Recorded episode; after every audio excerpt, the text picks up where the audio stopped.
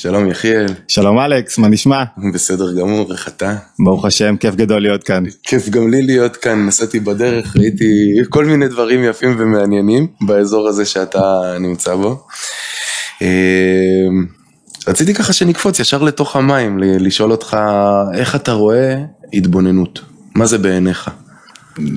ש- שאלה נהדרת וסבוכה בו זמנית. אני, אני חושב שיש שני חלקים מרכזיים להתבוננות. החלק הראשון זה הבנה. אם אתה לא מבין מה האתגר הרגשי, השכלי, איפה אתה עומד, מה אתה רוצה מהחיים שלך, מה תכלית החיים, למה אני כאן, אדם מוכוון מטרה וקודם כל השכל שלו מניע אותו. אז אם אין לך הבנות בסיסיות, לא תגיע לשום מקום. אבל זה רק השלב הראשון. כי הרבה אנשים יש להם הבנות, מה זאת אומרת הרבה? אנחנו, יש לנו לפעמים הבנות, או אתה יכול להבין, לקרוא, פתאום יש לך איזה האוריקה, וואו, נפל לי. אבל אז מההבנה עד להטמעה, ליישום, שזה ירד למטה, שזה יהיה ניכר באיך שאתה מחייך בבוקר לבת הזוג, איך שהילדים רואים אותך, איך שאתה מתמודד עם מריבות, איך שאתה מתמודד עם קשיים, אתה יודע מה? אפילו יותר חשוב מזה, איך שאני מתגבר על הנפילות שלי, כי רוב הזמן אני נופל והרבה פעמים אני מתקשה רגע לעצור את עצמי בזמן, בין אם זה בכעס, בין אם זה בגאווה, בין אם זה בחרדה, אני מתקשה בזמן, אבל מה קורה ב... מכה השנייה ברגע לאחר מכן, האם אני מצליח רגע לעצור את הסחף, לעצור, זו ההטמעה של ההתבוננות, זו ההטמעה של התובנות, זאת אומרת אם יש שני חלקים, החלק אחד הוא ההבנה השכלית, mm-hmm. ללמוד, להבין, לדעת למה אני כאן, איך בנויה הנפש, מה, מה קורה לי, למה אני סבוך מבחינה רגשית, מה אני רוצה מעצמי בחיים הללו, והחלק השני הוא להטמיע את זה עכשיו שזה ירד למטה, mm-hmm. ושני ההיבטים הללו הם בעצם הולכים ביחד, אתה כל הזמן צריך להביא עוד רעיונות, להתחדש להתחדש, להסתכל על הדברים מזווית חדשה, להבין אותם עוד פעם מעוד היבט, להתחדש בעצמך, הרבה פעמים אתה שומע אנשים שאומרים אה, אני מכיר את זה, נו אתה מכיר את זה, מה זה אומר שאתה מכיר את זה, נשארת אותה במה שעסוקה בעצמך למרות שאתה מכיר את הרעיונות, זה לא שינה בך שום דבר, כי הייתה חסרה הדרך השנייה, זאת אומרת התבוננות מורכבת משני צעדים מרכזיים, הבנה של רעיונות, הבנה של העולם, הבנה של הקשר בין בורא לבריאה, בין אדם למציאות ו... הטמעה של הדברים, הטמעה של התובנות בחיי היום יום שזה בעצם תרגול ולעצור להיות רגע עם עצמי והתבודדות וסדרה של כלים חלקם טכניים, עבודה למחשבות, הבנת הרגשות ועבודה לרגשות, חלקם טכניים, חלקם מעשיים יותר, חלקם פרקטיים, חלקם עיוניים, אבל בעצם כל המטרה שלהם היא לקחת את מה שהבנתי בשכל ולהוריד למטה. יפה. ובעצם את כל ההתבוננות הזאת. אני רק עוצר ומחייב אותך להתקרב למיקרופון טיפה יותר. כן, ככה? כן, זהו, בדיוק ככה אוקיי. אני מתנצל שאני... איזה כיף שבאת עד אליי. תודה רבה. לגמרי, ממש כיף כאן. בעצם ההתבוננות שאתה אומר, אתה אומר יש לה שני חלקים, חלק אחד של ללמוד, להבין בסיסי ידע בוא נקרא לזה, והחלק השני הוא חלק יותר פרקטי, לתרגל, להכניס את מה שלמדתי לתוך החיים שלי. עכשיו, איך לוקחים לימודים גבוהים, כמו שאתה אומר, על הקשר בין בורא לבריאה, לתוך הרגע התעצבנתי. איך לוקחים את הפער הגדול הזה ומכניסים אותו לתוך המציאות. אתה יודע, בספרות הקבלה יש מרכיבים ממש, מדברים על כוחות נפשיים מאוד ברורים שהם עושים את התהליך הזה. זאת אומרת, יש את ההבנה השכלית ויש כוח שנקרא כוח הדעת. כוח הדעת מחבר בין השכל, בין החוכמה והבינה. לבין הרגשות. כוח הדעת הוא כוח מאוד משמעותי בנפש, למה? כי הוא עושה עכשיו את ההתקשרות. מה זאת אומרת ההתקשרות? הוא אומר, הוא שואל, טוב מה זה אומר לי? איך זה נוגע אליי? מה, מה, מה הדברים, איך הם קשורים לחיים שלי? לא מספיק שאני מבין את הדברים בשכל, אלא כוח הדעת חייב להתקשר אליהם. מה זאת אומרת להתקשר אליהם? עד שהאדם לא שואל את עצמו, רגע, למדתי משהו, אתה, אתה יכול ללמוד רעיון, ועדיין להישאר, אמרנו כמו קודם, איזה, איזה אדם שהוא לא מוסרי, לא נעים, לא, לא אב טוב, לא חבר טוב, לא עובד על עצמו. מה, מה זאת אומרת כוח הדעת? שאני כל הזמן שואל את עצמי, רגע, לא מה טוב, לא מספיק לדעת מה טוב ומה רע, מה נכון ומה לא נכון, אלא מה טוב לי. כוח הדעת ממרקר את הלי. אז הוא כאילו אגוצנטרי, אבל הוא מאוד לא אגוצנטרי. הוא הולך ועכשיו מטמיע כל רעיון בתוך החיים שלנו. ובלי כוח הדעת, אז אתה מסתובב בעולם ושום דבר לא קשור אליך, זה נכון בעבודה על בריאות, מתי אדם פתאום תופס את עצמו ואומר, טוב, אני הם, הם, מפסיק לעשן, סתם בא לי ללחוץ לך, או שאני אה, משנה תזונה, או שאני מפסיק עכשיו עם ה... או, או שאני מפסיק עכשיו להיות בבית. אדם אה, ביקורתי ושיפוטי ולא נעים, או שאני עכשיו אוחז את עצמי כי עוד הערה אחת לילד הוא התפוצץ, זהו איבדתי אותו, או מתי הוא באמת מפסיק? כשהוא מבין שזה זמן האמת, שזה מאני טיים, שזה מתוך הכאב בדרך כלל הבן אדם עולה. שהוא יודע, כן, שזה גם נזק אמיתי, הוא הולך ליצור עוד שנייה, שהוא ישלם את המחיר. כן. כוח הדעת אמור לחסוך מאיתנו ייסורים, Mm. אמור לחסוך מאיתנו את ה... עכשיו את התובנה שזה באמת עכשיו קורה. רגע, תבין רגע קודם לכן, שהביקורתיות מזיקה במשפחה בבית. תבין רגע קודם לכן, שים את עצמך במקומו. כוח הדעת, אני רוצה להרגיש מישהו, אני שם את עצמי רגע במקומו. כשאני מדבר אליו, מה זה אומר לו, מה זה עושה לו. ולכן כוח הדעת הוא כוח מאוד חשוב, הוא נקרא כוח ההתקשרות. והתקשרות משמעתה, משמעה, אתה יודע, אם אני מוריד את זה למטה, שמעתי פעם מישהו שאמר, מה זה התקשרות? זה להיות רציני. עם הדברים, וזה הכי קשה, כי אנחנו בעידן ציני ותקופה צינית ותנועה צינית לגבי הדברים וקל לי להיות ציני, אה, כזה לזלזל ודיבור כפול ואחד בפה ואחד בלב, כוח הדעת אומר שאני רציני לגבי מה שאני לומד, רציני לגבי מה שאני עושה, וזה כבר אתגר גדול להיות ש- רציני. שמה זה אומר בעצם רצינות? איך אתה מגדיר שבן אדם רציני כלפי משהו? נגיד הוא לומד לנגן על גיטרה, מה זה אומר שהוא רציני לגבי זה? אני חושב שרצינות מתבטאת בכך שה... החיים שלי לא מחולקים לסגמנטים, הם לא מחולקים לחלקים שונים. יש לי חלק אחד שעכשיו אני אה, לומד ועכשיו אני מותר לעשות מה שאני רוצה וזה שלמדתי לא נוגע לי בכלל בתוך החיים, אלא אדם שהוא מוזיקאי, המוזיקה אמורה להיות חלק מה, מהצליל שאיתו הוא חי, מהאופן שבו הוא רואה את הדברים, זה יורד לו לתוך החיים האמיתיים שלו, לתוך כל מה שהוא עושה, הוא בתור לבנק, אז, אז, אז הוא מרשה לעצמו למוזיקה לרומם את עצמו, כי מוזיקה היא לא רק מוזיקה, מוזיקה היא, היא, היא האופן שבו אתה מתבונן ומקשיב לבריאה, לחיים עצמם. ועכשיו אם אתה עושה רגע, לא, עכשיו אני רק לומד מוזיקה כדבר טכני, ועכשיו אני רק אה, קראתי ספר מאוד מעמיק, שזה קורה לנו, אני לא בא בתור איזה, אתה יודע, איזה, איזה מישהו שנותן עכשיו ביקורת, אלא, אלא אני, אני מנסה להצביע על הקושי הגדול ביותר של לחיות על פי התבוננות. ואז אני אומר, רגע, למדתי משהו מדהים, אבל מחר אני בכלל, איזה מישהו יתקשר אליי, וזה קורה לי כל הזמן, מישהו יתקשר אליי ואני עצבני כי הפסדתי קצת כסף, כי... אז רגע, כל מה שלמדת לא חדר לתוכך. כן.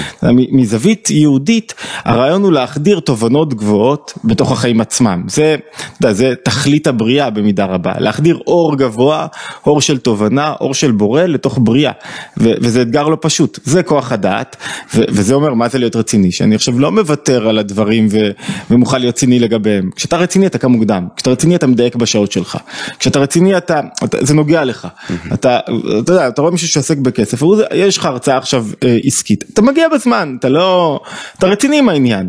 אז תהיה רציני גם עם העבודה הפנימית שלך, זה גם רציני. זאת אומרת, אתה יודע, קוראים לפודקאסט דרכי הרוח, נכון? כן. אז הרבה פעמים אנשים, נתפס להם, אני חושב, שרוח, רגשות, עבודה פנימית, לימוד על הפנימיות, זה, תחביב לשעות פנאי, או כשאני עומד מול קיר חסום, או לממש צרכים ותאוות וכאלה, או כשאני עומד מול קיר חסום אני עכשיו כאילו סובל מאיזה בעיה רגשית, זה הזמן לטפל בעצמי. וזה בדיוק הפוך.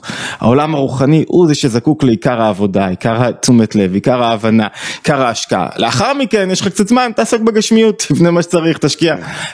וזה ניכר, אם יש, מותר לי להוסיף עוד מילה, זה ניכר מאוד אה, בתחום העסקי. אתה רואה שהרבה פעמים אנשים כשמשהו לא הולך בעסק אז הם ממהרים לבדוק את, ה, את העולם, הטבלאות. את הטבלאות, את כן. האקסלים, אתה יודע, אתה, אתה מבין בזה, מה, מה קורה עם השיווק שלי, למה זה לא עובד, כן. למה לא קונים ממני את המוצר. הקריאה בהתבוננות היא רגע, תבדוק רגע איפה אתה מונח, אתה באמת מחובר למוצר שלך, אתה באמת מחובר למה שאתה עושה, אתה מחובר לעניין, רואים את זה עליך, אפילו לקוחות, לקוחות זה אינדיקציה לעבודה פנימית, קולטים מקילומטר מישהו אמיתי או מישהו שהוא... אתה קולט מקילומטר, כשאתה קולט מישהו אמיתי, איפה אני מגהץ פה? אתה לא צריך לספר לי יותר מדי הרבה, אני מבין, אני, אני פה איתך, אני מגהץ. כן. כשאתה קולט מישהו שהוא כזה מורח אותך, הוא חצי פה, חצי שם, כשהוא, כשהוא בעצמו לא מונח בעניין, וזה תמיד עבודה, זה לא או שכן או שלא, זה לא בינארי, זה עבודה להיות יותר מונח. כשאתה קולט שהוא בעצמו לא מונח בעניין, מה אתה עושה? אתה הולך צעד לאחור. קודם כל שהוא יהיה אמיתי עם עצמו, אחרי זה אני אתקרב יותר. ו- ו- ואני חושב שהעבודה הזאת של התבוננות היא לקחת את החיים ברצינות, לא את עצמי ברצינות, אה, כאילו זה טעות מאוד נפוצה. כשמישהו לוקח את עצמו ברצינות זה מתכון ל... הוא יתפוצץ. כי אז נולדת החשיבות העצמית. לגמרי. כן. האגו, הישות, האני, ואם זה הרגשות השליליים, וה... זה, זה קטסטרופה אחת גדולה. כן. אבל כשמישהו לא שם את עצמו במרכז, אלא את החיים שלו, הזמן שלי יקר, המפגש שלי עכשיו הוא יקר, העניין עכשיו הוא יקר, אני לא יקר בכלום, אני תמעך אותי, תבעט בי, אני רוצה לא להיות יקר, אני רוצה לא להיות חשוב בעיני עצמי, לא תמיד זה עובד לי. כן. לפעמים יוצא הגאווה שהיא, שהיא דבר איום ונורא, כי אחרי זה אני סובל ממנה. כן. אבל ברגע שאני לא יקר בעיני עצמי, אבל הזמן שלי יקר, החיים שלי יקר, המפגשים שלי יקרים, הלימוד שלי יקר, כל רגע יקרים בחיים, וואו, זה כבר חיים שיש בהם ערך ומשמעות, והם לא רק חיים של בוא נסגור.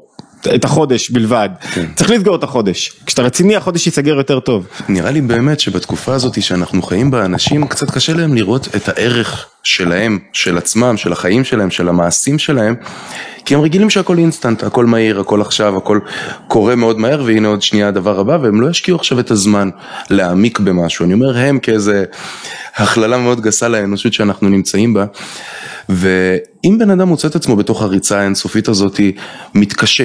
לתת את כובד המשקל הראוי לדברים ואת הרצינות הזאת לתחומים השונים שלו. איך היה, איך היה טוב לו להתחיל? אתה יודע, אני מתחיל קודם כל מהנחת יסוד, אין זמן. כל המהות של החברה המודרנית היא לארגן לך זמן. נכון. הרי למה אנחנו לא עובדים, רצים ציידים או מלק, מלקטים או כל מיני, למה? כדי שיהיה לך זמן, כל הטכנולוגיה נועדה לייצר לנו זמן. כן. אם הטכנולוגיה לא נותנת לנו זמן, זה בעיה, והיא נותנת לנו זמן. אבל אומרת, היא ממלאה אותו בעוד דברים אחרים.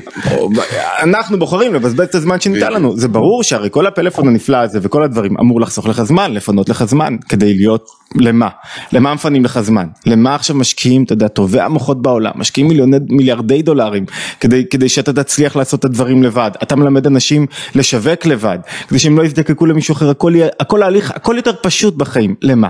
כדי שתנצל את הזמן ותגביה את עצמך, תתרומם, תהיה אדם טוב יותר, לא רק טוב במובן הלוטראיסטי, טוב לאדם לזולת, טוב במובן של מימוש הכוחות שלך, של גילוי האיכויות שלך, של עבודה על עצמך, של אתה מוציא מעצמך יותר, של אתה מתבונן יותר. אז הנחת יסוד, עד שלא, אתה יודע, לפעמים אחד החסמים זה הנחות יסוד. אתה רואה אנשים אומרים, אין לי, נוריד את זה למטה, אין לי זמן, אין לי זמן, אין לי זמן, ואתה רואה אותו מסתובב שלוש שעות בפייסבוק, אחרי זה שעתיים במריבה עם הילדים, אחרי, כאילו מה זה, איפה אתה מרחת? וגם אלה שאין לי כסף, אין לי כסף, טסים לחו"ל, ויש להם את האייפון הכי חדש, ונוסעים באוטו, אבל אין כסף. זה הכל שאלה של בחירה בעצם, איפה אתה בוחר להשקיע את הכובד משקל הזה. אז זה לא הם, זה אנחנו במידה מסוימת, זה אנחנו כאילו, אתה יודע, זה מושך הטלפון מאוד. אז קודם כל להגיד יש לי זמן, והזמן הזה נועד כדי שאני אתקדם בו, ואם, אתה יודע, אפילו הקורונה הייתה דוגמה נפלאה, אם נתנו לי תקופת קורונה, שזרקו אותנו בבית, אם לא למדנו משהו בה, לא התפתחנו, לא הוצאנו מעצמנו יותר, אז בזבזנו תקופה נהדרת בחיים. וכתוב שהאדם דואג לאיבוד דמיו, דמיו זה הכסף שלו, אבל לא דואג לאיבוד ימיו, ימיו זה הזמן שלו. המשאב הכי יקר של האדם זה לא הכסף, כסף בא הולך נו כבר, הזמן זה המשאב הכי יקר, כן. ולמצות זמן, איך אתה ממצה זמן בעצם? מצות זמן זה לא בהכרח להספיק הרבה דברים בזמן קצר, זה יעילות, יעילות דבר נחמד, וזה לא למצות זמן, כן. זה בא איזה רפיון מאוד גדול ואני מכיר מישהו שהוא שיא. תותח במצות זמן, הוא עושה בחודש מה שאנחנו עושים בשלושה חודשים, אבל אחרי זה הוא צריך חודש חופש, כאילו, מתפרק. למצות זמן זה לחיות בזמן, זה להיות כאן, עכשיו אנחנו ביחד, נוצר בינינו איזה אינטראקציה, משהו מיוחד, עכשיו אתה כאן, יש לך עוד שעה מפגש חדש, אם אתה עכשיו במפגש החדש אתה לא פה איתי, okay. כאילו, אז, אז למצות זמן זה להיות בזמן, זה לחיות את הזמן, ואז ממילא שהרגשות מתכנסים לתוך הזמן, ואתה באמת חווה אותו, בפילוסופיה זה אקזיסטנציאליזם, בעולם הרוח זה אינסוף להיות קיומי, להיות כאן ועכשיו, לחיות את הכאן ועכשיו, אז זה, זה, זה הנקודה המרכזית של להיות כאן ועכשיו, ואם אנחנו חוזרים לשאלה שלך, מה, מה אתה מציע לאדם? כתוב שאין אדם שאין לו שעה במסכת אבות. ואחת הכוונות היא אין אדם שאין לו שעה, זאת אומרת, הכוונה הפשוטה זה שהגלגל מסתובב, המישהו הזה תצטרך אותו מתישהו, כן. או יגיע העת שלו. הכוונה הפנימית היא אם אין לך שעה, שעה זה לא 60 דקות, פנייה בנפש, שבו אתה רגע עוצר את העולם, ואת הרעש, ואת הילדים, ואת הפרנסה, ואת המרוץ, עוצר את הכל, ומוצא לך איזה זמן לקרוא. ללמוד, להתפתח, להבין מה אתה רוצה מעצמך, אז אפילו להשקיט את ה... אתה יודע מה, את הרגשות שלך ואת התאוות שלך ואת היצרים ואת הרצונות שלך, שעה אפילו בלי הסיגריה, שעה אפילו בלי הקפה, פנייה בנפש שבו אני עכשיו לוגם חיים אחרים, אם אין לך את זה, אתה לא אדם. אין לך, אם אין לך פנייה בנפש כזאת, היא יכולה להיות דקה, יכולה להיות 60 דקות. ואתה יודע, ברוב הסיטואציות, אפילו של כעס או חרדה, כשמישהו מצליח רגע להוציא את עצמו מהסיטואציה ולהסתכל החוצה, כבר שם נעשה התרפיה, ש... כבר שם מתחילה. שם מה קורה בנקודה הזאת, לתפיסתך, בפינוי הזה? מה קורה שם לאדם? כי כל עוד שאני במרכז והכל בעדי או נגדי ואני חווה את החוויה שלה, אני הרווחתי, הפסדתי, קרה לי, יוצאו, נגדי, לא נגדי. זאת האישיות שלנו המצומצמת, המוגבלת, לא זה, זה אני, זה הישות, כל עוד שזה אני, עובדה שאני יכול לצאת מהישות שלי כי אני יכול להסתכל עליי מהצד ולראות רגע את המחשבות שלי, את הזרימה שלהם, כל עוד שזה אני ואני חווה את זה בתוך האדם ועומד במרכז, אז אני שק אגרוף של המציאות, לפעמים נותן קצת, לפעמים חוטף קצת, לפעמים כל הזמן בתוך, ה, בתוך המרחב הזה, כשאני מצליח רגע לצאת, לשחרר את כל העול, יכול אפילו להכניס איזה נימה, אתה יודע, הומוריסטית, פחות משקל, יכול להבין את הדברים אחרת, לראות אותם אחרת, פתאום זה לא הכל אני, לא הכל, וכשאני לא הכל אני, זה בדיוק חלק מההתבוננות. אני רואה שיש פה תכלית אחרת, אני מבין את הסיטואציה, הלכת למסעדה עם בת הזוג שלך, ותקעו לכם בדיוק את המנה שלא הזמנתם ושילמתם יותר, ו- והמלצר שפך עליך, ואתה כועס ורוגז ועצבני ומדבר על זה יומיים אחרי, וכל המטרה, כל המטרה של המסעדה הייתה לחזק את הקשר, אז, אז במקום להפוך את זה לאיזושהי סיטואציה שבה מחזקים את הקשר ומסוגלים, הפכת לסיטואציה נרגנת שבה היא לעולם לא תרצה לצאת יותר למסעדה. זאת אומרת, צריך לזכור תמיד לצאת כדי לזכור רגע מה המטרה, מה התכלית, למה אני פה, מה, מה אני רוצה מעצמי. כי בעצם יש לנו נטייה להיצמד למודעות, יש נטייה להיצמד לכל מיני דברים ולהידבק אליהם ואז לשכוח את כל שאר הדברים שהם יכולים להיטיב עמנו, נכון? זה, זה יותר מזה, הרגשות קוראים להם, או המידות בשפת החסידות, אה, הם הם מכונים השפלה של הנפש. למה השפלה של הנפש? כי הנפש צריכה להשפיל את עצמה כדי לקרב אותי לזולת. זאת אומרת, מה עושים הרגשות? הם מחברים אותי או מרחיקים אותי, אבל הם מורידים אותי למטה. מה זאת אומרת למטה? אם נמחיש את זה רגע, אתה יכול לראות אדם שסובל פתאום מכעס. אז כאילו, הוא, הוא, הוא לא יכול להשתחרר מזה. עכשיו, הוא אזוק בתוך זה. לא, אתה תקשיב לי, לא, אתה חייב, חייב. עזוב אותו, מה מה אכפת לך שיקשיב לך או לא יקשיב לך?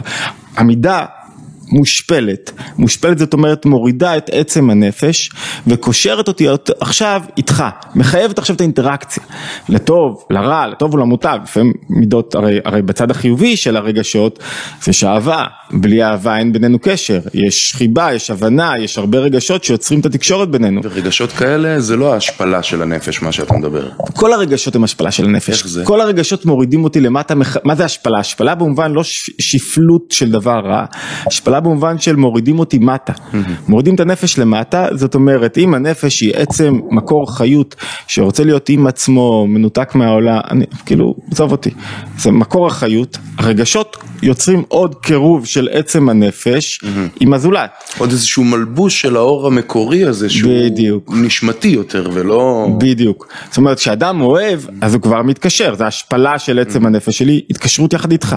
עכשיו השפלה שהיא מקרבת וטובה, ויש השפלה שהיא איומה ונוראה, שהיא, אה, יוצרת אה, מלחמות, מאבקים. אולי יותר כמו הגשמה מהשפלה, יכול להיות.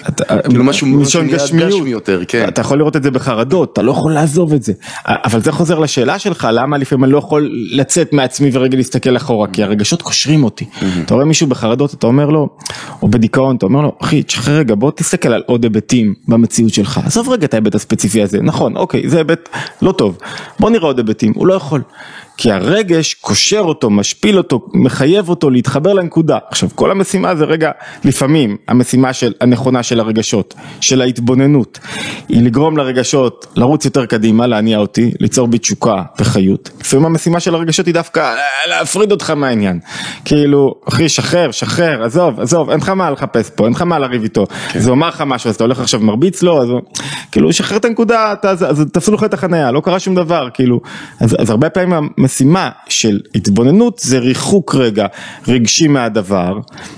אני לא, אתה יודע, אתה יודע, העליתי על איזה, זה, זה משהו רצתי לפני, אני לא זוכר כבר חודש, משהו כזה, ב, אה, בצפון, מנהריה לראש הנקרה, ובדרך יש שם פתאום איזה, אני חושב שזה חוף, אני לא זוכר את החוף. בצת. לא, איזה חוף השתלט שם על כל החוף הזה, מה זה מעצבן? כי, כי יש טיילת נהדרת ופתאום משתלטים לך על כל החוף, המדינה שלנו ברח לי אכזיב, חוף אכזיב. פתאום, כאילו, מי נתן לכם לסגור לנו את כל החוף עם גדרות ועם, אה, אתה, אתה יודע, כאזרח, אחת הדרכים זה כדי לא להתעצבן, עכשיו אני לא במשימה של לתקן את זה, אם אתה במסיבה של לתקן את זה אתה צריך איזה... מדחף אנרגטי שיגרום לך לעשות את זה. כן. אם אני עכשיו במשימה שלי לא להתעצבן ולא להיות אדם זעוף וזועם וכעוס ונרגן, אז אתה כאילו קצת no attachment. קצת לא שלי. בלשון אדמו"ר הזקן, רבי שניאור סלמה מיליאדי, זה קצת להיות גר בארץ שלך, לא בארץ הפיזית. כאילו קצת לפעמים לדעת להיות גר במקום שלך, צעד לאחור. כן. כאילו מה, מה ש, שלי מאוד ומאוד משפיע עליי ונוגע בי, שנייה מסתכל עליו מאיזה נקודת מבט חיצונית וזאת ההתבוננות בעצם, נכון? זה, ה- ה- זה הלהיות גר ב, במדינה שלך, זה איזושהי טכניקה להתבוננות בדיוק. על עצמי מבחוץ. אתה יודע, אחד הדברים היפים, מעניינים ביהדות, ש, שזה לא רק טכניקה, זה האמת של הדבר. מה זאת אומרת אתה גר? אחי, זה לא באמת שלך. אתה, יש כל כך הרבה ציטוטים על כך, כשאדם נפרד מן העולם, הוא לא לוקח איתו שום דבר. נחמד שיהיו לך בתים ונכסים. זה אומר שמלכתחילה זה לא היה שלך אף פעם, אתה לא ראית מישהו, כאילו זה האמת של, של, של מחשבה יהודית, אתה, זה, זה לא באמת שלך, נתנו לך עכשיו שתי בתים ועוד נכס כדי שתוכל טוב יותר לממש את הכוחות שלך, נתנו לך עכשיו אוטו חדש כדי שתוכל למצות אותו יותר ולגלות עוד משהו בעולם, שלך, מה זה שלי, מה זה שלי, כשאתה הולך בתנועה, אתה יודע, זה הקומוניזם של היהדות קצת, okay. זה כאילו, נ, נתנו לך זה לא שלי בעצם, אז גם אני לא כזה, לא גרידי מדי, כן. אני צריך את הכסף אם יש לי מה לעשות בו, אם אין לך מה לעשות בו. צורכי. כן. זה יותר מג... זה, לא, אל תסתפק, אנחנו לא, פה אנחנו נפרדים מהקומוניזם. אוקיי. זה לא, לא די צורכי, זה תצטרך יותר, תשפיע יותר, נתנו לך כסף, אתה צריך לעשות איתו דברים, להפוך עולם, ליצור, להפך, אבל, אבל אם אתה לא יודע מה אתה עושה איתו וכל כולו נועד רק כדי לשמן את, ה, את, את החיים הטובים שלך, אז, אז בשביל מה נותנים לך כסף? כאילו מה, אתה לא צריך יותר, כאילו באמת כל צורכי. כן. נותנים לך כסף כדי שתניע יותר, תעשי יותר, תפעל יותר, תצליח יותר, בכל תחום דרך אגב, רוחני, מעשי, נתנו לך זמן, כדי שתמצה אותו, באותו אופן. יפה. ובעצם בן אדם יש לו את האישיות שמרכיבה אותו, את כל מה שעכשיו, אה, את התכונות שלו, את הטיפוסים שלו. טוב, אפשר לעשות קמפיין בתוך הפודקאסט על הספר החדש, לפרוץ את. גבולות האישיות, שהוא מאוד... שבעצם זה ספר שכתבת מתוך סדרת התבוננות שמדבר על איך לפרוץ את גבולות האישיות. מה שהספר, אולי אני אחכה לשאלה לפני שאני ארים כבר... איך לפרוץ את גבולות האישיות, זאת השאלה. אז בקצרה ככה, אם בשני משפטים, כל אדם נולד עם מבנה, דיברנו על רגשות שקושרים אותך משהו ומפריעים לך לפעמים, כן. זה לא שלכולנו יש אותם רגשות, יש אנשים שלא התעצבנו עכשיו מאיזה דבר קטן, ויש אנשים שמאוד התעצבנו, זאת אומרת, כל אדם יש לו את מבנה האישיות המאוד ספציפי שלו, מבנה אישיות זה בעיקר העולם הרגשי שלו, העולם הרגשי שמניע אותו, מחבר אותו. או מנתק אותו, או גורם לו לכל הזפטות שהוא חוטף בחיים. אני טיפוס אש, מאוד. בכבישים, עם אנשים, עם זה, מאוד קל להדליק אותי, אני גם נכבה מהר, אבל מאוד קל להדליק אותי, ועם השנים למדתי לעבוד עם זה, ולא להידלק כל כך מהר מדברים שהיו מדליקים אותי מאוד בקלות. אחד הדברים המעניינים שמנסה תורת הנפש היהודית להבין זה למה אתה כזה. מה מניע אותי להיות עכשיו איש אה, כועס בקלות. כן.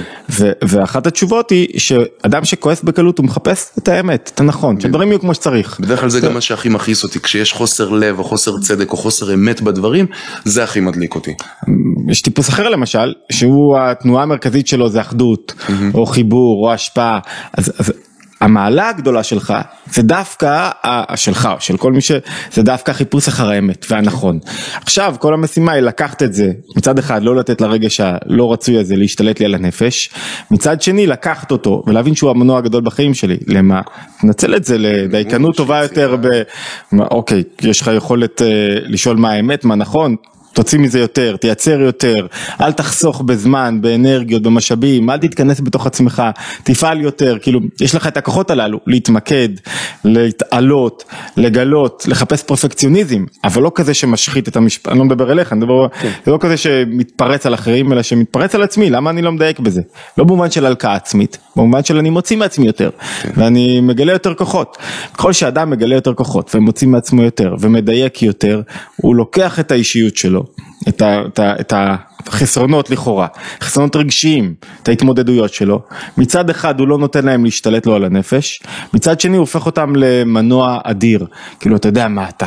אתה לא מחפש להיות מה שאתה לא, ואתה יודע מהם האיכויות שלך ומהם הכישורים שלך, ואפילו בתוך הזוגיות אתה יודע מה אתה יכול לתת ומה אתה יכול לקבל מבן הזוג, אז, אז כל הספר נע סביב הבנת העולם הרגשי, הבנת יסודות האישיות, מהי האישיות, מהם היסודות הרגשיים, מהם רגשות, ככל שאתה מבין יותר לעומק אתה יותר מבין מה מנהל אותך בחיי יום יום, כי מה שמנהל אותנו זה בעיקר הרגשות, ומאיפה יש שדות מסוכנים שבהם עשויים לפרוץ אצלי רגשות לא רצויים, הרי כשמדברים על רוח, מה זה רוח? עיקר הרוח זה העולם הרגשי שלי, איך הוא מתגלה נכון, איך הוא מתגלה לא נכון, איפה, איפה ההיבטים החיוביים שלו בחיים, מה זה חיובי, למה אני מגדיר חיובי בכלל, הרבה פעמים אנשים מתעצבנים מחיובי, ואיך אני הופך את הרגשות למה שהן צריכות להיות, מנוע.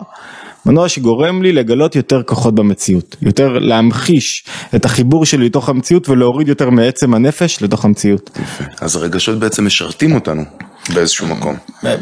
לגמרי, זאת אומרת יש להם תפקיד, כן. אתה יודע, לא סתם נברא, נבראנו עם קונסטרוקציה כזאת של עולם רגשי.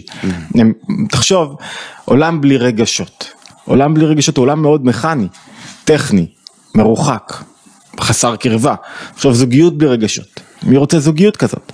כל דבר ביהדות נלקח מהקשר עם הבורא, תחשוב, בורא שאין לו רגשות או מידות כלפינו ולנו אין כלפיו.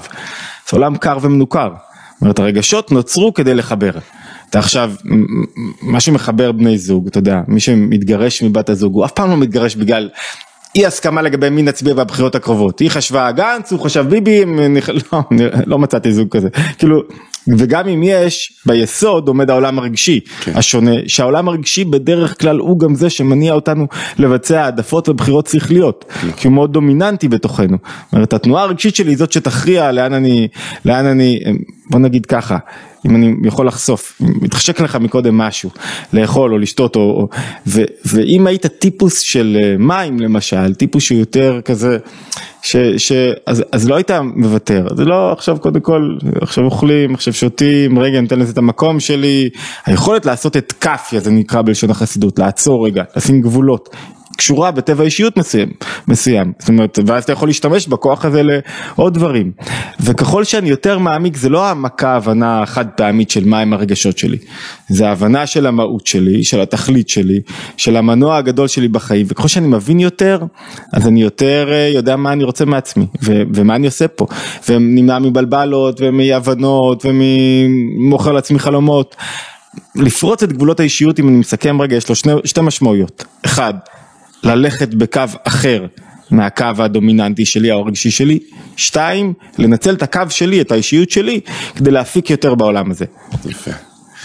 ובעצם הרגשות אמרנו משרתים אותנו, ויש דווקא שלבים שהרגשות אה, מפריעים לנו, שאני מנסה לעבוד, ויש איזה רגש שלא מרפה ולא איזה ריב עם מישהו שאני משחזר עוד פעם בראש ועוד פעם ועוד פעם, ואני אגיד לו ככה והוא אמר לי ככה. מה עושים שם בנקודה הזאת, שהרגש מתחיל להסעיר אותנו במקום אה, להיות איזשהו כלי עזר עבורנו? אתה יודע, רגשות, כל כוחות הנפש פועלים בדרך של אה, דפיקו דליבה, דפיקות הלב. מה זאת אומרת דפיקות הלב? בפולסים. פעימות. כשכוח אחד פועל, האחר לא יכול לפעול. זאת אומרת, כשהשכל פועל, הרגשות שוקטים. יש מעט רגשות, מעט עד לרגשות, זה נקרא רגשות, עמידות שבשכל. ואתה רואה את זה במוחש, כשאני עכשיו הרגש, ככל שהרגש יותר חזק, אני לא יכול ללמוד, לא יכול להתרכז, לא יכול לעשות שום דבר שכלי. ככל שאני משקיט, הרבה פעמים למשל מישהו עולה להרצאה, אם אתה מתרגש בהרצאה, אתה רואה שאתה חייב לעבוד על אוטומט כרגע, על דברים שאתה מכיר, אתה לא יכול לחשוב עכשיו תוך כדי הרצאה, כי הרגש כרגע דומיננטי בתוכך. זאת אומרת, כדי לנצל כוחות נפש אחרים, אני חייב להשקיט את הרגשות. ולהפך, אחרי שהבנתי משהו, ההבנה הייתה שכלית, ההתלהבות, ענת את חייבת לשמוע, ולעשות עם זה משהו ולהוריד את זה למטה, זה לפתוח שוב חזרה את המפסק הזה בין השכל לרגשות, ולהגיד לרגשות, טוב יאללה קחו את העסק הזה ותניעו אותו קדימה, תפעלו עכשיו. אז, אז אם אני חוזר לנקודה, כל העניין הוא יד על השיבר של הרגשות. מצד אחד, לא לתת להם להשתלט לי על הנפש, אז זה נקרא רגשות דתוהו. כשדתוהו שולטים בי, זה שום כוח אחר לא יכול להתגלות. אתה, רואה מישהו שיש לו מטרה בחיים, פתאום רגש כעס או קינה השתלטו עליו, זהו, הוא שכח את המטרה שלו, את האזימות שלו, הקינה שלטה בו, עכשיו הוא הולך על פי הקינה, הוא רוצה את החיים שלו, אבל, אבל אחי יש לך מסלול ודרך, ולמה אתה רוצה את החיים שלו? בגלל שיש לו אוטו יותר טוב, בגלל, בגלל שאתה מקנא. בגלל שאתה מקנא, הרגש דורף. הרגש השתלט עליך, כן. אז, אז כל המטרה היא לדעת רגע לשלוט ברגשות, להפוך אותם מלא רצויים לרצויים, ולהיות מסוגל למנן את המינון שלהם נכון, מצד אחד שיהיה כוח מניע, כוח טוב, שדוחף אותי, בלי רגש, בלי התלהבות, בלי תשוקה, אף אחד לא עושה כלום. כאילו, למה שמישהו יבוא ויעשה משהו, ייצור משהו, אם אין לו איזה רגש שמניע אותו? השכל לא מספיק. שכל אומר אני אעשה פודקאסט מי כבר יקשיב לי? בשביל מה להתאמץ? אה אולי זה כאילו כל הזמן השקלא וטריא הזה מקררת את כל המערכת. כן. זה השכל הוא רדיאטור כזה מקרר את המערכת כל הזמן. אז אז אני כל הזמן חייב רגע להגדיל את היד על השיבר ולעורר רגשות נכונים וזו ה... אתה יודע אתה על הדרך מעלה את שאלת המיליון דולר זה עיקר החיים. כן. ברוך הבא לעולם האמיתי זה התכלית לשחק נכון עם הברז ולהפעיל רגשות נכונים ולגרום להם להיות מנוע חזק אבל לא מנוע שיוצא מהטורים ומשתלט לי על הנשמה. הכל בסוף שאלה של מידתיות ואיזון בתוך העולם הזה באיזשהו מקום. אתה יודע זה מעניין שהמילה המילה איזון לא מופיעה בכלל בספרות ה, בתורת הנפש היהודית כי, כי איזון זה כאילו יש לי קצת כעס ואני קצת אוהב את אשתי ועכשיו אני שולט בכעס כי אני כועס על משהו ועכשיו אני כאילו הכל המילה החלופית היא התקללות התקללות? התקללות זה שבתוך מידה מסוימת יש גם את המידה ההופכית אליה. זאת אומרת למשל אם אני מאוד אוהב את הילדים שלי אני חייב להציב להם גבולות. הגבול הוא בעצם מידה של גבורה, מידה של גבול. הגבול הוא חלק ממידת החסד. האהבה מבטאת חסד, זאת אומרת אני מבטא שתי תנועות בנפש. אם אני מאוד אוהב את אשתי אני צריך להיות מסוגל לשתוק, לסגת לאחור, לראות אותה, להעריך אותה, לא להיות כל כך דומיננטי, להבין את הצרכים שלה. זאת אומרת האהבה שהיא כוח מאוד דומיננטי בנפש, אני אוהב, חייבת להיות רגע מוגבלת על ידי כוח אחר. זאת אומרת רגשות נכונים מוגבלים על ידי כוח אחר, כוח רגשי אחר שאני מאפשר להם. ובפועל אתה, אתה רואה שכשמישהו נותן לכוח חד-ממדי, כך בעלי החיים נבראו, כוחות חד-ממדיים, לכל בעל חיים יש מידה אחת שהיא דומיננטית בו. אצל האדם הוא היחיד שיכול ליצור את ההתקללות של הרגשות. שאני, יש לי מצד אחד רגש כזה ועוד רגש כזה ויש לי מניפת רגשות וזה נקרא תפארת, מניפת רגשות שמפעמים בי ואני יכול לחיות עם קצת אה, כעס אני מאוד אוהב אותך ואני לא נותן לכעס להתפשט בי ואני לא נותן ל- ל- לחרדה להתפשט בי ואני לא נותן לעצבות להתפשט בי. יכולת לשאת מגוון של רגשות מחלישה אותם ונותנת להם את היופי של הגוונים. ואיך היית ממליץ לבן אדם שהוא דווקא קיבע מדי את הצד הרגשי, כדי לא להיחשף, כדי לא הוא כל. היום בתוך השקלא וטרא והשיקולים אה, אינסופיים ולא מצליח להגיע לשום החלטה. שאלה נהדרת, אתה יודע, אחת ה... אנחנו דיברנו על רגשות לא רצויים, אבל הרבה פעמים ה... הבעיה היא דווקא לא ברגשות לא רצויים, היא באטימות, אטימות רגשית. מה זה אטימות רגשית? שאתה רואה שאדם כבר לא חי. כן. לא חי, יש לו כסף, יש לו אישה, יש לו ילדים, ולהפך, יש לה בן זוג, יש לה זה, יש לו, יש לו אה, פרוצדורות אה, בחיים מאוד מהנים, יש לו חופשה פעם בשנה, ו, ו, ו, ואם הוא אדם דתי הוא הולך לתפילה, והחיים מסודרים היטב. אבל הוא איבד את התשוקה להם. כי ה... בלי רגשות, כאילו סגרנו את המפסק יותר מדי. הכוח המניע, נקרא חיות, נעלם. כן. אתה יודע, יש, יש, דווקא דיברנו על זה, דיברתי על זה, יש אה, ברכה שנקראת שהחיינו וקיימנו והגיענו לזמן הזה. ובפשטות היא אומרת כך, היא אומרת שקיימנו זה קיומיות. אדם צריך קיומיות, גוף, שהדברים יתבטאו בגוף. שהחיינו זה חיות, זה התרגשות. והגיענו זה מאמץ שאתה משקיע. אז הסדר הוא כזה, אתה יודע, כמו סולם הצרכים של מאסלו. הסדר הוא קודם כל שיהיה שהחיינו. קודם כל שתהיה חיות. ש, שאתה מתרגש מהדבר. אחרי זה שקיימנו, שזה יחדור בתוך הגוף, שיהיה קיומיות, ואחרי זה שהגיענו שזה יהיה מלווה במאמץ שלי. ומה המאמץ, אם אני חוזר לשאלה שלך, מה המאמץ שהאדם נדרש אליו? כתוב בתניא שאה דלא סליק, עץ שלא נדלק בו אש, מה עושים איתו? לקחת גזע עץ, כתוב, הוא מביא את זה מהזוהר, גזע עץ שלא נדלק בו אש, מה עושים איתו? אתה, אתם גרים במושב, מעשה מדורה, לא נדלק עץ, מה אתה עושה איתו? מייבש אותו. או, רגע, הוא לא נדלק, זה גזע יבש, אוקיי. שובר אותו לחתיכות, אוקיי. רק כשהוא שבור לחתיכות, זה התשובה. אוקיי. זאת אומרת, אם אדם אטום הוא כמו גזע עץ שלא נדלק בו האש. צריך לדעת, עכשיו מה צריך? צריך אה, אה, אה, לשבור אותו לחתיכות. שתי אפשרויות, או שאתה שובר את עצמך לחתיכות, מה זאת אומרת שובר את עצמך לחתיכות? אתה אומר לעצמך זה נקרא מרירות, מרירות דקדושה אפילו. איך אני, למה אני לא פה? למה אני לא חווה את החוויה הזאת? משהו מפריע לי, צריך להפריע לך שאתה לא מתרגש, צריך להפריע לך שאתה לא חווה שוב את החוויה, שאתה לא נמצא בתוכה, צריך, כאילו אתה מתחיל לשאול את עצמך, אתה, אתה מבין שאתה קר ואטום, אבל מאיפה זה? מאיפה הבן אדם מבין? מאיפה הניצוץ הזה פתאום, הרי גם שם יש איזה ניצוץ שנדלק. שאלה מעולה, אתה יודע, רגע, נגמור רגע את ה- אוקיי. את העץ שלו סליק, החלופה לפעמים המציאות שוברת אותך. אוקיי. אתה חוטף זפטות, כלכליות, רפואיות. משהו שם הולך להישבר. משהו נשבר לך, אתה. יודע, מספרים על, כל מיני פושעים למיניהם שפתאום הגיעו לכלא שמו אה, כיפה. כן. אה, אפשר להיות ציני לגבי התהליך ואני מניח שלגבי חלק מהדמויות אפשר להיות ציניים אבל יש באמת אנשים שחוו שבר גדול בחיים שלהם. היו בטוחים שהם שולטים בעולם פתאום אתה מבין שאתה כלום. אז את השבר הזה מעורר בך התעוררות רגשית רגע והתעוררות פנימית רגע. אז אז אם אתה רוצה לחסוך את הייסורים, את השבר, את הקושי, כי הרי בסוף אדם אטום, אשתו תפליק לו יום אחד, תגיד לא בא לי לחיות יותר עם, אה, עם, אה, עם הדבר הקר הזה שלא מתרגש, אני לא רוצה רק שתקנה לי מתנה, נחווה את החיים ביחד, נטרוף אותם, מה זה לטרוף אותם? עוד טיול בברצלונה? לא, לחוות עוד לטרוף אותם זה להתרגש ביחד, לחוות באמת החיים, מכל מגע, מכל ציפור, מכל עניין, כמה שאפשר, אתה יודע, החיים מאתגרים, אז אז או שהיא דופקת לך ושוברת את הגזע העץ, היא, הרפואה, מה שלא יהיה, או שאתה בעצמך פתאום קולט, איך אדם קולט, אתה יודע, זה שאלת השאלות. ושאלת השאלות שאם אני הולך איתה קצת יותר למעלה זה איך אדם משתנה, למה שהוא יקשיב פתאום לדרכי הרוח, למה שהוא פתאום ישמע, ואין תשובה אחת. זה, זה נקרא שצריך סייעתא דשמיא בזה, מה זה סייעתא דשמיא? כאילו לפעמים אתה שומע הרצאה פתאום משהו תופס לך את האוזן נפל לך אסימון של עשר שנים. לפעמים אתה פתאום הולך ברחוב ונופל לך איזה ערעור זה נקרא מתנה מלמעלה.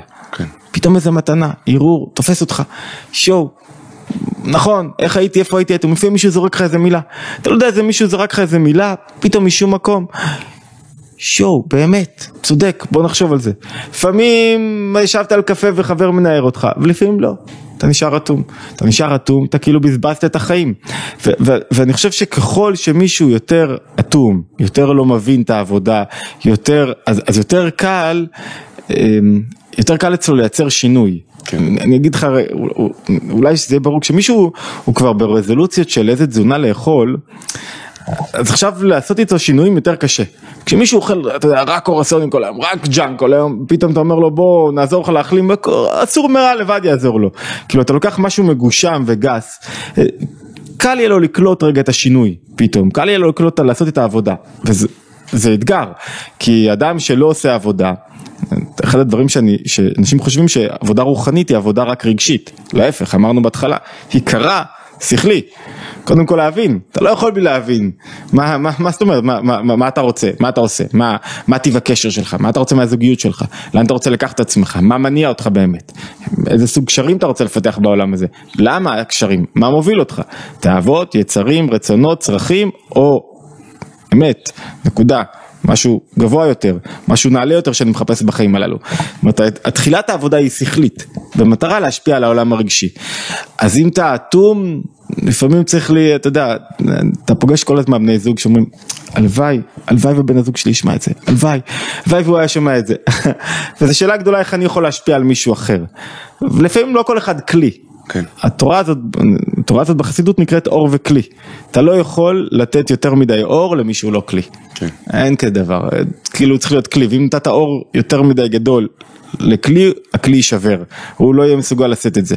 אז, אז החוק האורות עם כלים, אבל מישהו פעם משהו נפתח בו, תכניס עוד אור. או שהוא יכניס בעצמו עוד אור. ככה המינון הנכון בין אורות וכלים, כן. כשהמשימה היא תמיד להגדיל את הכלים, לא להקטין את האורות. כן. זה האתגר, אתה יודע, זה החיים הטובים יותר. החיים היותר זה להקטין, לפעמים צריך להקטין את האורות, כשאין מישהו כלים, כשהוא... זה הנקודה. הכלי בעצם זה המיכל, המקום שיש בו להכיל עוד בתוך זה. וזה אולי לפרוץ את גבולות האישיות, נכון? זה מגדיל לי את גבולות הכלי, את גבולות ההכלה, ואז עוד אור יכול להיכנס פנימה. ובעצם איך עושים את זה? את ההגדלה הזאת של הכלי. בן אדם עכשיו אומר, אוקיי, אני מוגבל בתפיסה שלי, בידיעות שלי, ואני רוצה להיות גדול יותר, להכיל יותר את העולם, להכיל יותר את עצמי. מה היית ממליץ לו לעשות? אז, אז אנחנו, אני חוזר דווקא לתחילת השיחה, לפעמים הכלים הפשוטים הם המשמעותיים, אין תחליף לשעת לימוד קבועה. יפה. אין תחליף לזה, אין, אבל לא מה הוא ילמד? לא אין לו מכיר- כלום שמעניין אותו. זו עוד בעיה, איך אתה מארגן, אה, זו שאלה נוספת, אתה איך אתה מעורר? סקרנות, כן. איך אתה מעורר סקרנות, בזה בדרך כלל אחת השיטות לעורר סקרנות היא כשמשהו נוגע לי, אני סקרן לגביו, אם זה קשור עכשיו עכשיו לחשבון בנק שלי, לעסק שלי, ל- אז זה יותר קשור אליי. אה, אה, לא, אם זה קשור אליי. כן. אתה יודע, תלוי מי אתה. אבל זה ש- יכול להיות שעמם, חשבון בנק, עבודה, עסק, זה, ילדים, משפחה, כל אחד זה, אנשים חיים ככה, וזה מאוד נוגע אליהם כביכול, אבל הם לא. רגע, אני, אני אגיד את הכלי, כאילו אולי לא דרך הדוגמה. כשאני צריך להעביר משהו, אם עכשיו תשאל, ביקשו ממני להעביר למשל הרצאה על, על תולדות היין ביהדות. טוב, לא ידעתי כלום עד אתמול בתולדות היין ביהדות. ברגע שאתה מתחיל ללמוד, מה עושה הלימוד? הלימוד יוצר התקשרות, הוא מפעיל את כוח הדעת במינון מסוים. עכשיו כשאני לומד כי אני צריך את זה למשהו מסוים, אז זה כבר לימוד אחר לגמרי, הוא יוצר bonding. זאת אומרת, אם שום דבר לא מעניין אותי, אז בוא נראה רגע, מה צריכים ממני, אולי, אולי צריכים ממני להעביר שיעור כלשהו, או, או לכתוב משהו למישהו, או כל אחד הסט כישורים שלו, ואז אתה פתאום, או לחזור על רעיון. עצם זה שאני צריך לשתף בו, הרי שיתוף קשור ברגשות. אז, אז אני עכשיו משנן אותו יותר טוב. זאת אומרת, אתה רואה אנשים שפתאום עברו חוויה, החוויה היא שלהם, ברגע שהוא צריך ללמד את הדבר, לשתף, אז ההטמעה של החוויה הרבה יותר עמוקה.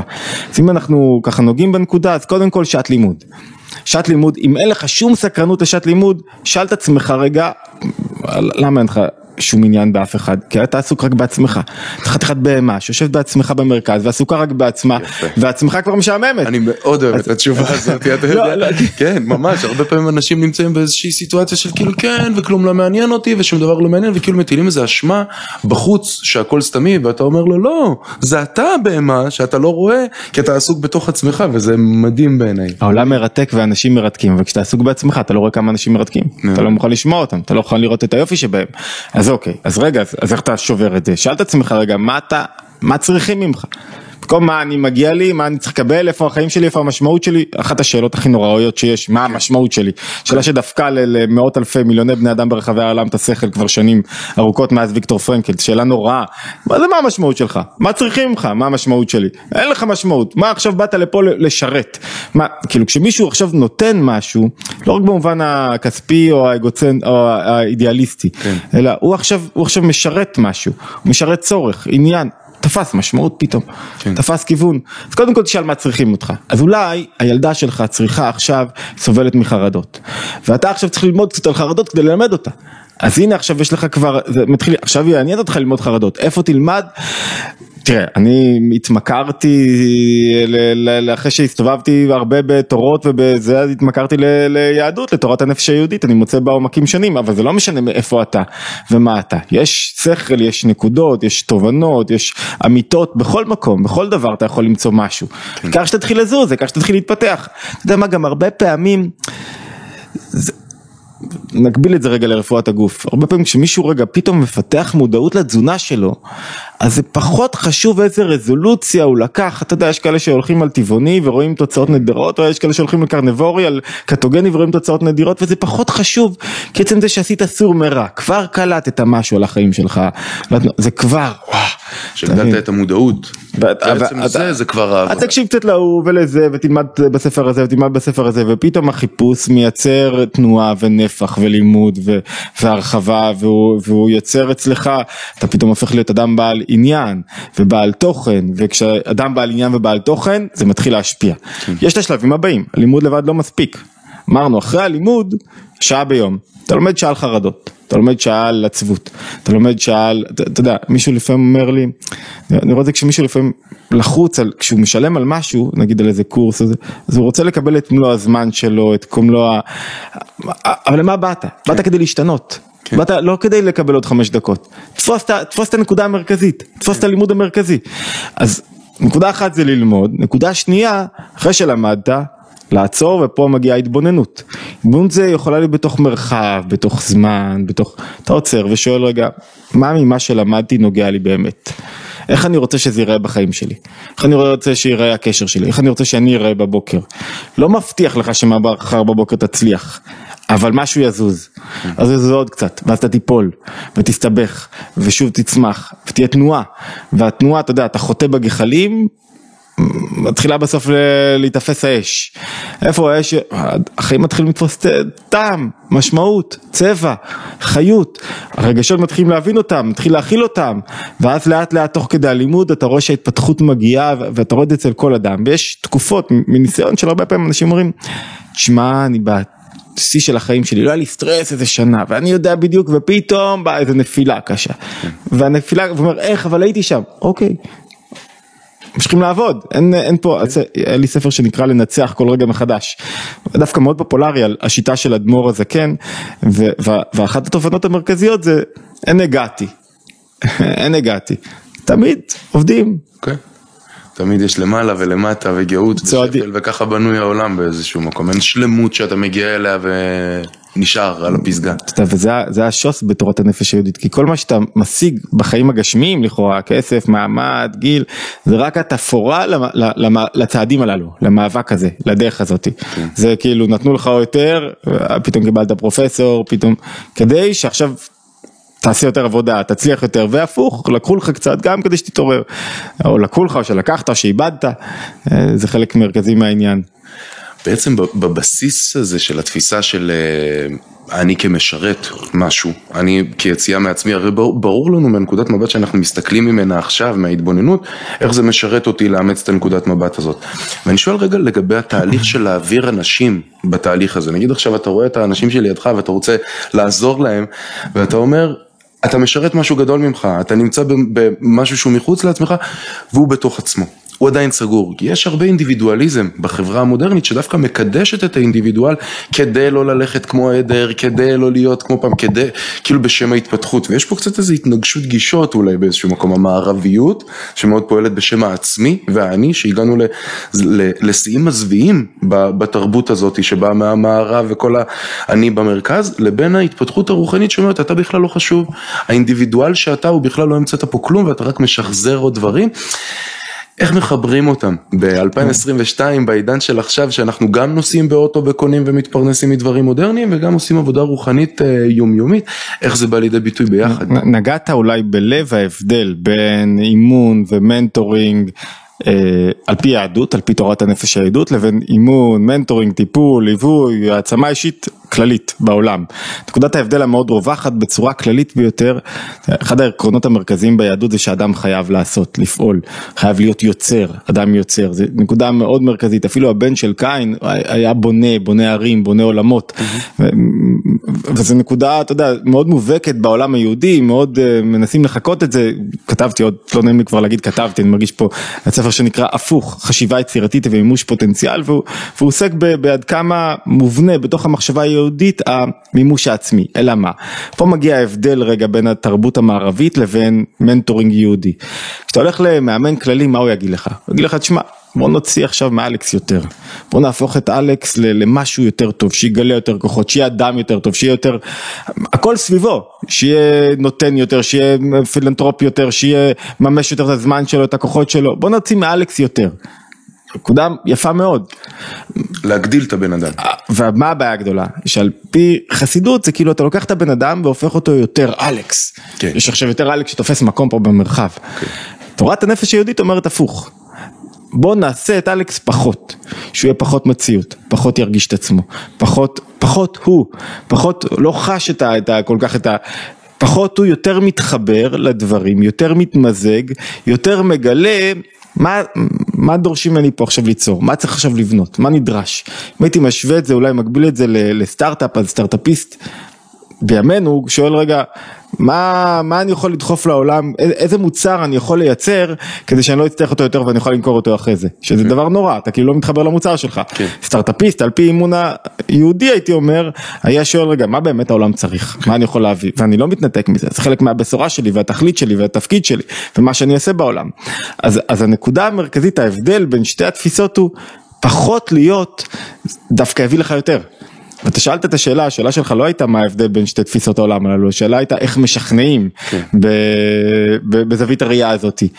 אז אנחנו באמת יותר אגוצנטרים ב, בימינו, ויותר uh, תועלתניים, ושואלים כל דבר מה זה נותן לי. אז התפקיד הראשון במעלה ש- שלי, ש- של הספרות היהודית, זה להסביר לך, תשמע, יהיה לך יותר משתלם לא להיות. יהיה לך יותר משתלם לחוות פחות מציאות. אתה רוצה להיות מלא אגו, קח את זה בדוגמאות פשוטות, אתה בא למישהו ורוצה, ממי יותר תתרשם, מי שיגיד, אני, תשמע, אני, אתה רואה מישהו נפוח מהכסף שלו, מהתארים שלו, מזה, אתה ישר מתרחק ממנו. אתה רואה מישהו, ישר, אתה רואה מישהו שהוא בענווה. אתה ישר נמשך אליו, יואו איזה כיף, איזה בן אדם עדין. אתה, אתה רואה מישהו בכל תחום, אתה, אתה מתמלא רגע בכעס. אתה אומר, אני אראה להם, מה אף אחד לא ידע, כולם מתרחקים ממך. אתה אשתך מתרחק ממך והציבור מתרחק ממך, אתה משתלט על הכעס, על הכעס, גובר, מתגבר על היצר ואתה פתאום רואה שאתה מושך כמו צוף, הילדים יוצאים מהחדרים, רוצים להיות איתך, זאת אומרת הדרך לשכנע אותך זה להראות לך שזה לא תועלתני להיות מלא מציאות, להפך, הרבה יותר תועלתני עבורך להיות פחות מציאות. בעולם הרגשי שלך, בהישגים הכלכליים שלך, אתה יודע מה, בכל פודקאסטים. כל פעם שמישהו עולה לפודקאסט, הוא מוותר קצת על האישות שלו, כי הוא שומע מישהו אחר. כן. כי הוא שותה קצת. אה, רגע, אני יודע, אני יודע. כן. קשה, שבר, בטח למישהו שהוא בטוח בעצמו ומלא, ו- ועצם זה שהוא מצליח לקחת צעד לאחור, שניים מרוויחים. זה שמעלה את הפודקאסט, והשני ש... וכל... ושמתארח אצלו, תמיד זה, זה, זה עובד כך. זאת אומרת, כל פרויקט שעשית בחיים שלך, במקום שבו היית פחות, הצליח יותר. מקום שבו היית, תשמעו לי, אני יודע, הצלחת פחות. אני חותם על זה בכל דבר כי זה קורה לכולם. פרויקטים נהדרים שלא כבשתי את האגו שלי, את הישות, את האני, אני יודע, אני אראה, אני אראה לכם, אני יודע, הכל דרך שלי, לא שיתף פעולה, התרסקו על הרצפה. פרויקטים שלמדתי רגע להיות פחות יחיאל, הצליחו בגדול. שזה בעצם קצת יותר להיות כמו הרוח שהיא נעלמת, לא רואים אותה באמת, אבל היא יכולה להזיז עולמות ולעשות הכל ובשקט ואפילו לא, לא יודעים איפה היא נמצאת וזה הכוח הגדול. אני יודע שהקהל שלך הוא לא, הוא לא בהכרח דתי אז אני, אני אגיד פה רגע את המקורות, הרי מה המטרה, למה זה עובד כך בדיוק שכשמישהו מצליח לבטל את עצמו אז הוא משיג יותר? כי הוא מגלה עד לאחדות. אחדות היא מקור לשמחה, אחדות היא מקור לכמעט כל הישג במציאות, תובנה שכולנו הבנו יוצרת אחדות, אה, עסקה שכולנו היינו שותפים, שיתוף פעולה של אחדות אמיתית, כן. מניבה לכולם יותר טוב, אחדות מגדילה כוחות, איפה שיש אחדות במציאות, אתה רואה שיש הצלחה, אתה רואה את זה בפוליטיקה, איפה שיש מלחמות, קורסים, מדינה, נמשיך להילחם, נקרוס, נדע ליצור אחדות אמיתית, לגלות קווים אמיתיים של אחדות, נצליח יותר, מדע, שכל אחד מהמדענים עוסק בעצמו, מנסה להבין לבד את התובנות, אז הוא, אז הוא צריך לעשות הכל לבד, מדע שנבנה על ידי תובנות של אחרים ושיש בו שיתוף פעולה ואחדות, הוא מדע שעף קדימה מצליח הרבה יותר, ולמה כל זה? כי גילוי אחדות על פי, זה, זה לא איזה סתם כי בא לי להגיד, כי גילוי אחדות על פי תורת הנפש היהודית, זה גילוי הד של הבורא בתוך הבריאה. זאת אומרת, גילית עכשיו את הבורא בבריאה. אז, אז, אז אה, ברגע שמצאת אחדות, קלטת אותה ברגע אחד, אפילו קלטת סדירות בטבע. לא מדעי החברה מנסים לחקות את המדעים האמיתיים, מחפשים אחדות בהתנהגות של אנשים, מה החיפוש אחר אחדות? מחפש אחר עד של הבורא בתוך הבריאה.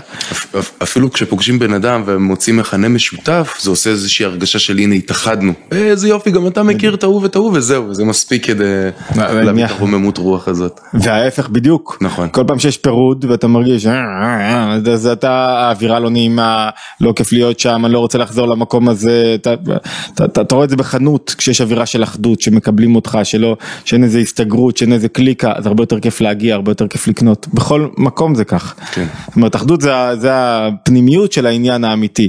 אחדות בעולם הרגשי שלי. רגשות טובים קושרים אותי, משפילים אותי כדי לקשור אותי.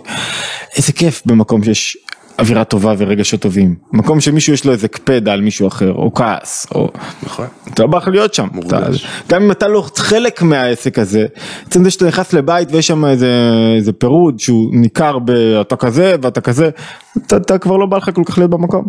ואני אשאל פה שאלה ככה לאנשי רוח קצת יותר מתקדמים, שעושים עבודת מודעות אה, מעמיקה בתוך הדבר הזה.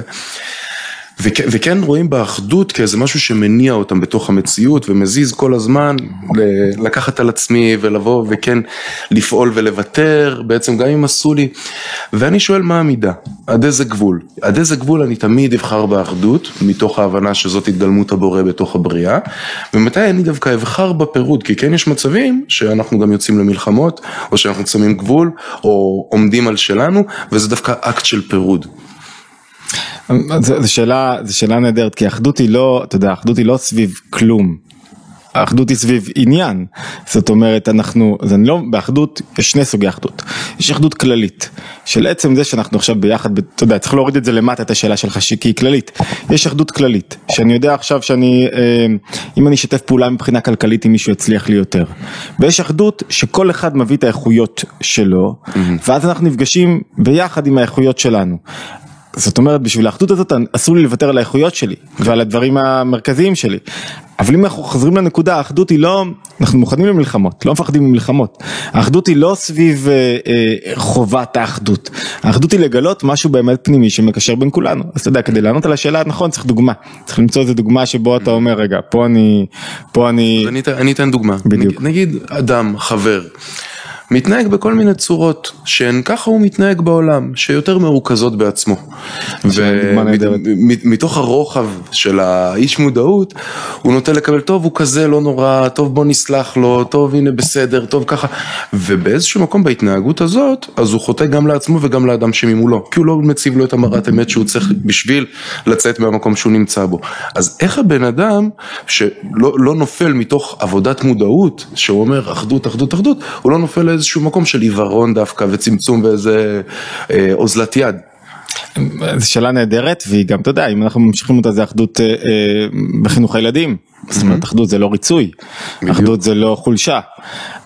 צריך לשים לב טוב טוב להבדל, אחדות זה לא אה, עכשיו שאנחנו מוצאים איזון אינטרסים, זה לא אחדות של הבהמות שלנו, זה לא בואו שנינו נהיה בהמה ביחד ונראה איך אנחנו משרתים את האינטרסים שלנו, אחדות זה משהו יותר פנימי, זה שבאמת בעצם בפנימיות יש בנו משהו אחד שקושר אותנו יחד, זה לא אומר שבצד הגשמי אתה יכול לעשות מה שאתה רוצה, זה לא אומר שאתה יכול להתנהג איך שאתה רוצה, להפך. זאת אומרת, הקו גבול הוא מאוד ברור, אם אתה מתנהג בצורה הנעלית שלך, בצורה של איך שאדם צריך להיראות, לא בצורה הבהמית שלו, אלא להפך, לא בצורה שהוא נשלט, על- בהמית זה שאתה נשלט על ידי הרגשות. אדם זה שהשכל שולט על הרגשות, זה המפתח, שאף אחד לא ייעלב שאנחנו קוראים לו בהמה. כן. למה? כש- כשהרגש שולט בך, אז הרגש, היצר, התאווה, אז מה ההבדל בינך לבין בהמה? נכון. בסדר, אתה יכול להגיד אני בהמה כרגע, אוקיי, בסדר גמור, אתה בהמה כרגע, בהמה חמודה, יש בהמות מדהימות, יפות, נחמדות, אבל אתה בהמה כרגע, אתה לא במעלת אדם. אדם זה שהשכל, התובנה, עכשיו היא שולטת בו. כשהשכל, התובנה, האמת של הדבר, שולט בך, שזה הדרגה היותר גבוהה של האדם, ולא הרגש, שם אנחנו יכולים ליצור לא איזון אינטרסים. איזון אינטרסים זה עוד עניין, יכול להיות שני, אתה יודע, שני אנשים שמתקשרים זה עם זה, והם רק מאזנים את האינטרסים שלהם, את הרגשות, את האהבות שלהם לרגע אחד, והם בעצם, אין פה שום גילוי אחדות אמיתי, זה, זה, זה לא באמת הם מאוחדים. אחדות היא כשהיא באה מדרגה יותר גבוהה בנפש, שיש באמת בינינו איזה נקודה אמיתית. עכשיו אם אתה מתנהג כמו בהמה, החובה שלי זה לשים גבול, להגיד לא, חובה שלי בבית להגיד לילד ככה לא מדברים, זאת אומרת אתה לא יכול להתנהג בצורה הזאת, אבל בדרך כלל כשמתגלה משהו פנימי ואחדותי, אין סיכוי שאני לא אקבל את זה כמים מהפנים לפנים. אומרת, כשאתה מתנהג פתאום על מישהו, אני, אני רואה את זה לפעמים אפילו ב- ברכישות קטנות, כשמישהו עכשיו קנה משהו ועכשיו מתבאס ורוצה להחזיר ו, והוא בלחץ על זה אז אני אומר לו כן בכיף מה שאתה רוצה אז אתה רואה שגם הוא טוב אני לא צריך להשאיר את זה אצלי כבר. כשמישהו אתה קטן איתו אז הוא קטן איתך. נכון. זאת אומרת כשאתם מגלים מה זה אחדות כשמתגלה משהו יותר גבוה במציאות. אין אחדות כשמתגלה משהו יותר נמוך. זאת אומרת, המטרה של אחדות לגלות משהו יותר גבוה. לכן, אתה יודע, אם תיקח את זה למקום שאולי חבר'ה, הם פה יחסים אינטימיים. מפגש אינטימי בבני זוג, זה לא גילוי אחדות עדיין, זה עד של האחדות. הוא, הוא, נוצרת פה אחדות אמיתית, הרי אתה יודע, קודש הקודשים, בבית המקדש, היה נקרא הדביר. או חדר המיטות. חדר המיטות זה המקום הכי גבוה במערכת היחסים הזוגית. מקום שבה נוצר האיחוד המושלם, והוא איחוד פיזי. אבל אם האיחוד הפיזי הזה הוא רק חיצוני, זמני, נמוך, כמו, אתה יודע, כמו הבהמות שאמרנו, שאני לא רוצה לשפוט אף אחד, זה קורה לכולנו, כולנו מלא יצרים, ו... אבל אם רק שם זה מתרחש, המערכת, האיחוד הזאת, אז אין פה אחדות אמיתית, יש פה אה, מרוחק מאוד של אחדות. ככל שהאחדות מגלה יותר פנים כיוונים גבוהים בנפש, או, אתה רואה שיש פה איחוד אמיתי של שתי נפשות שהתאחדו והם עכשיו אחד, ו- וכל ה... ו- ומשהו הרבה יותר גבוה מתגלה כאן, והוא מתגלה בעולם הרגשי והשכלי וה- והרצון שלי ביחד והעצמותי שלי ביחד, ואתה רואה זוג שמגלה את העצמות שלו, וואו, זה כבר זוגיות אחרת. הרי השיא של האחדות מתגלה בתוך המערכת הזוגית. השיא של הפירוד יכול להתגלות במערכת הזוגית, כי בזוגיות אתה באמת הופך להיות אדם אחד בכל ההיבטים, ואם זה לא מתגלה, וכדי שזה יתגלה צריך ל- לאזן, לגלות נכון את כל את הרגשות שלך ואת השכל שלך שיעבוד נכון ואת הרצונות שלך ואת התענוג שלך, כל כוחות הנפש צריכים להתגלות נכון כדי שיהיה מפגש בין שני כוחות נפשיים. שזה בכלל להתחבר איכשהו הדבר הזה. להתחבר, אתה כן. אתה- אתה יודע, זה זה לא שיש איזה כל מיני קולות שאדם שונה מהאישה והם הופכים, נכון שהם הופכים, אבל הם הופכים כדי שיתחברו. כן. האדם נברא אחור וקדם צרתני, נברא האדם כשהוא, הגב שלו דבוק לגב האישה, כדי שהם ייפרדו ויתחברו מחדש. אתה מחבר בין דברים הופכיים, אתה יודע, זכר ונקבה, אתה לא מחבר בין דברים שהם דומים. כן. זאת אומרת, ולכן דווקא ההופכיות מייצרת פה יכולת לגלות אחדות בתוך המציאות. בית שיש בו אחדות, זה לא כל, ה- או או. שיש בו רגע אחדות הוא מאיר על כל הרגעים הקשים ועל ההתמודדויות, מה זה חתונה, מה זה חופה, שאנחנו מכריזים שגם כשיהיה קשה וגם כשאני אולי נפסיק לאהוב וגם כשיהיה התמודדויות כלכליות ורגשיות כאלה ואחרות, אני זוכר את נקודת האחדות שהתגלתה בערב הזה, נקודת האחדות ואת הברית, ברית לא עושים בין שני דברים שונים, בין שני דברים שהם אחד. אני זוכר את העד הזה ועכשיו אני נותן לו להשפיע עליי מחדש ולהדביק את הפירוד הכלכלי, הפירוד הרגשי ו- ולתת לו מקום בעבודה הפנימית שלנו. לכן אתה יודע אם אני ככה מסכם אז שיא העבודה הפנימית היא בתוך מערכת זוגית. אדם, אם מישהו אומר לך שאני עובד, שהוא עובד על עצמו, לא, לא ננסח את זה בצורה כל כך נוקשה. במערכת הזוגית הכי קשה לעבוד, ו- ושם העבודה הרוחנית היא הכי משמעותית, שם התוצאות ניכרות, ממש, התוצאות ניכרות בכל רגע, באיך שהבית נראה, באיך שהזוגיות נראית, וזה גם הכי קשה. הכי קל לי להגיד טוב טוב טוב טוב טוב, עם עצמי כשאני לבד, אני הכי עובד טוב, כי אף אחד לא מחייב אותי לשום דבר, אני לא צריך להתגמש. אני לא צריך להיות רוחני, אני לא צריך לעבוד על הרגשות שלי, עושה מה שאני רוצה, בא מישהו אז אני לשעתיים עכשיו נחמד לחבר. כן, יפה. יפה וקשוח. זה קשוח מאוד, מחייב, קשוח לא נעים, אתה יודע, לא נעים כי זה אומר רגע, אה, לא עמדתי בזה, לא חייכתי, לא הצלחתי לייצר אה, קשר עם אשתי, משהו בעבודה הרוחנית שלי נכשל. אוקיי, נכשל, לא קרה שום דבר, בוא נתקדם הלאה, בוא נמשיך, בוא ננסה, אבל, אבל תעמוד מול המראה, תעמוד באמת מול המראה. כאילו יש באמת איזה גישה היום של אה, טוב ההוא לא מתאים לי, ההיא לא מתאימה לי, זה לא מתאים לי וכאילו איזה פנטזיה על איך נראית האהבה המושלמת ואז מה הבעיה טוב אז מחליפים בני בנות זוג ויבוא המישהו, תבוא המישהי המושלמים שבדיוק יתאימו לי כמו כפפה ליד כדי שאני לא אצטרך להשתנות ואתה אומר פה הפוך מי שהכי יתאים לך כמו כפפה ליד ישנה. אותך הכי הרבה. הכי הרבה ושם אתה תפגוש את זה הכי. הרבה וזה ההשלמה שלך. אנחנו צריכים שיחה נפרדת על זוגיות, אני חושב בהזדמנות, אבל. משבר הזוגיות הוא באמת המשבר העבודה הפנימית. וכשמישהו מאחל לבן זוג שלו, רק שלא תשתנה לעולם, אין ברכה, אין קללה גדולה יותר מזה. מה זאת אומרת אל תשתנה? שתשתנה בכל רגע, שתתפתח, שלא תעז להיות כמו שהיית אתמול, שבכל יום תצמח, תיפול קצת, אני איתך, אני מבין, נכבשת על ידי העולם הרגשי שלך, בוא נתגבר ביחד. חלק מהצעדה המשותפת היא לא רק אה, לגמור את המשכנתה לבית, זה לא האתגר, זאת אומרת, זה, זה נראה כאילו, זה, האתגר הוא לעבור את ה... את הרכבת הרים הרגשית הזאת ביחד ולנסות לנהל אותה ביחד ול- ולתת לה כלים ו- והזדמנויות ולעורר אותה בצורה נכונה. ואז אני רק אגיד אתה יודע אמרנו שלמה לשכנע למה שמישהו ירצה את העבודה הזאת? כי השכר הוא מזומן. כן. והשכר הוא מתוק. הצלחת? השכר הוא מתוק. זה שכר שאין בו בלבולים ואין בו חוסר בהירות ואין בו אתה יודע איפה אתה. בא בלבול מגיע לפעמים מגיע אבל אתה פתאום מתיישב משהו מאוד עמוק שזה נקרא גילוי העצמות בנפש. יפה. אם מישהו רוצה לקבל מהחומרים שלך, מהספרים שלך, ממה שאתה מעביר, איך אה, מוצאים אותך? אז, אז, אז הספרים בהוצאת ידיעות ספרים נמצאים באתר התבוננות בכל מקום, ערוץ היוטיוב אה, שוקק חיים וגם אה, אנחנו לומדים בזום, יש לנו גם ערוץ היוטיוב אני מעלה כל יום רעיון, 10-20 דקות, 5 דקות, 30, על מה למשל? אין ספור נושאים אבל מה- כולם עוסקים? סביב אה, תורת הנפש היהודית, למשל אתמול נגענו באיך חוזרים לשגרה. יפה. אנחנו מקליטים פה אחרי החגים, איך חוזרים לשגרה, פתאום בשגרה איך לעורר שמחת לב פשוטה בתוך ה... ש... שאתה פתאום שמחה פשוטה בדברים הקטנים, לא באיזה אורות גבוהים בתוך החיים שלך. אז זה פעם על רגשות, ופעם על עצבות, ופעם על מימוש פוטנציאל, ופעם על גילוי כוחות, כל פעם ככה מהלימוד היומי שלי, אני משתדל לשבת בבוקר ללמוד שעה, שעתיים, ואחרי זה מקליט על זה 20 דקות, ואז... אה, אמ, אז, אז יוטיוב, ויש גם לימוד טקסטואלי שלומדים ביחד קבוצה ב, אה, באתר, ובכלל באתר התבוננות יש מלא מגוון תוכניות ושוקק חיים. מהמם. תודה רבה, היה כיף גדול, תודה ממש. רבה ממש, וככה שנייה לפני סיום שאלה. אם היית יכול להביא שינוי אחד קטן אצל כל האנשים בעולם, ברגע, ככה בכפתור, שיחולל באותה שנייה את אותו השינוי אצל כולם, מה היית עושה?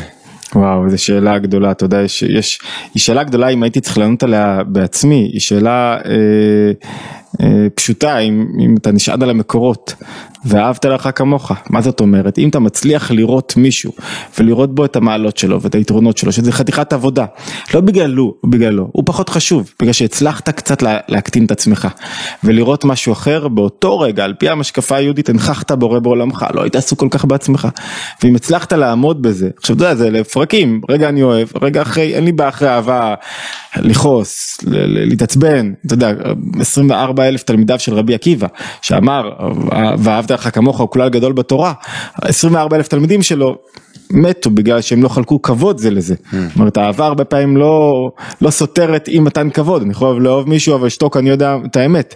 אז אם הייתי מצליח לתפוס את שתי התנועות הללו של אהבה ושל יראה זה נקרא, לכבד ולעורר אותם, עולם היה נראה אחרת, עולם שיש בו מוכנות לגילוי אור אחר בתוך העולם, וזה עיקר העבודה הרוחנית אני חושב, לעורר אהבה ויראה, לא רק אני אוהב, אני גם נסוג לאחור, מכבד, מבין, פתאום יש מקום לאחר, לייחודיות שלו, למה שיש לו להביא לעולם, הלוואי, אבל אתה יודע, בחסידות אומרים אל תשנה את העולם, אתה יודע, זה כבר, תעבוד טיפה על עצמך, יפה, ואז הם ממילא יראו, קשה, עוד קצת, עוד קצת, עוד קצת. זה לוואי שנאהב ונכבד את האחר ואותנו. תודה רבה יחיאל. אלכס תודה רבה, בהצלחה גדולה בכל העניינים, בכל המפעלות, כיף גדול. משתמע.